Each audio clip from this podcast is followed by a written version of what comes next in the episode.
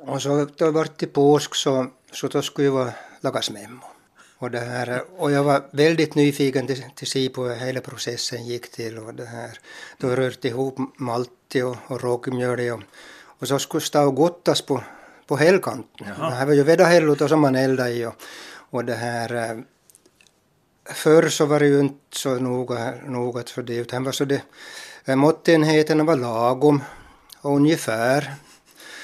Så det är tid åt så var det här måttenheterna och det, och det varit bra. Mm. För, för då hade man det fingertoppskänsla på när man lagade mat, hur, det, hur länge skulle koka, hur länge skulle värmas och hur det skulle kylas och allt det där. Ja, precis. Ja. Så det fick ju gotta sig det och så, då kom det här skedet då det skulle kokas ett några timmar det så vart det koka och uh, jag skulle ju vara pomeranskal i memmo men det var ju inte alltid man fick tag i utan eventuellt fick man tag i en apelsinskal och skala bort det i utrast och törka och hacka i det.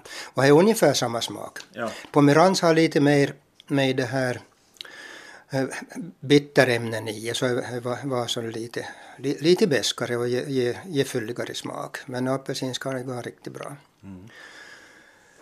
Och, och så, baguette kokas så skulle ju kylas. Och det här eh, och då var det ju spännande, då fick man en pall och fick man få ut i, i snödriv och, och det här med de kastruller, e- ämbar eller vad som det vart, vart lagat i, så skulle ju klappas. Med stora träsliv. Man var ju lill pojk då så det här, hon verkar ju stor under träslivet. man, fick, man fick muskler av det? Ja, inte jag sagt att hon var så stor, men när man var lilla pojk så kanske var, var det här stora. Det, så länge man orkade då så det här klappa med det, det skulle kylas då tills det vart kallt. Mm. Och bakom det då så, så vart det lagt i näverrivorna, en som, ungefär en tog del, i, mm. lite större ibland som, som jag tillverkade i en för, för några dagar sedan. Och det här, för pappa hade ju fitt i skoget och tio nävre, nävre och, och det här eh, skar ihop och tillverkade det här memmarrivorna. Det skulle vara, vara det då. Nu för tiden så har det ju, har det ju papper med liknande nävre. Om man skådar på det som man köper så, så har, det, har det ju det här liknande nävre. Fungerar säkert bra men det är ju lite, lite lyckat med den näverrivorna. Ja. Och så skulle grädda stå i det här eh,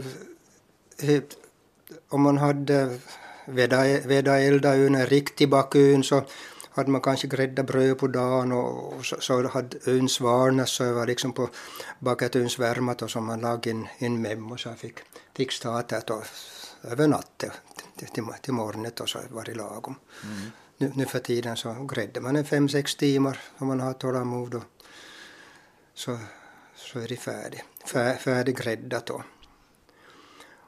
Och eh, så han är färdig till det nu så det bästa är ju om jag får stå några dagar. Helst tre dagar ska jag måste ha, men ska riktigt gott till sig och, mm. dra, dra i sig och jämna ut all smaker. Ja. Ja, det är inte någon snabbmat det här, utan det är en process som man liksom måste kanske planera att nu, nu ska vi göra memma och det tar några dagar. Man får nog vara beredd på det om det här ända från dagen då man bör, börjar så, så det här tills det är riktigt, riktigt bra mogna så är det fem dagar. Hör det är fascinerande tålamodskrävande också. Jo, det kräver ju nog för det första så, så kräver ju tid. man ska, ja. jo, man ska ha, ha, ha den där tiden. Och det här, fast den där effektiva tiden, själva arbetet, så kanske inte, inte så som, som mycket, kanske en, en timme eller högst ett par timmar. Resten av tiden så, så ska ju det här, så arbetar man med sig själv. Mm. Att det, ska det skötas och det, det här, det ska lagras och allt, allt det här. Och så, så först, nu ska det vara tålamod att man har, har det här, får en hela processen till slu, slut så man börjar öppna mjölpåsar och malt, maltpåsar och slå, slå vatten på och så här ska vis, vispas lite och så ska man vänta, vänta en par timmar så igen ska man göra samma process, fyll på mjöl, mjöl och malt och lite vatten och så här, några gånger på det sättet. Så man ska passa på, på ta det här ungefär, ungefär en och en halv, två timmars ja. mellanrum.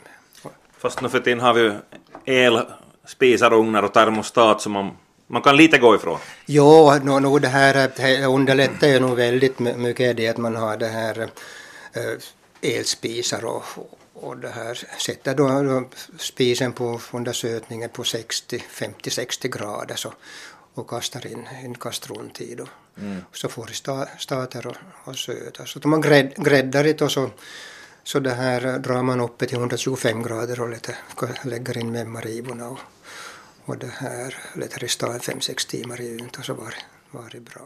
Nu har du här på snabbkursen, du demonstrerade momenten och så gick du ut i köket och så dök det upp att nu har det gått sex timmar och så, och så kommer nästa skede. Så du fuskade sådär. Men sedan till sist så tog du fram färdiggjord memma och kursdeltagarna gillade den. Och jag också. Ja, ty tydligen så, så, så gillade det och det här äh, det var en naturlig sötning. In, inga tillsatsämnen i sötningsmedel, med ingen sir, extra sirap eller socker eller någonting utan uh, den sötman som finns där i det så, så har tillkommit på, på naturlig process. Mm. Att uh, stärkelsen hade omvandlats till, till socker. Ja. Och så var det där smaksatt då med, med det här pomerans och en, lite salt. Ja.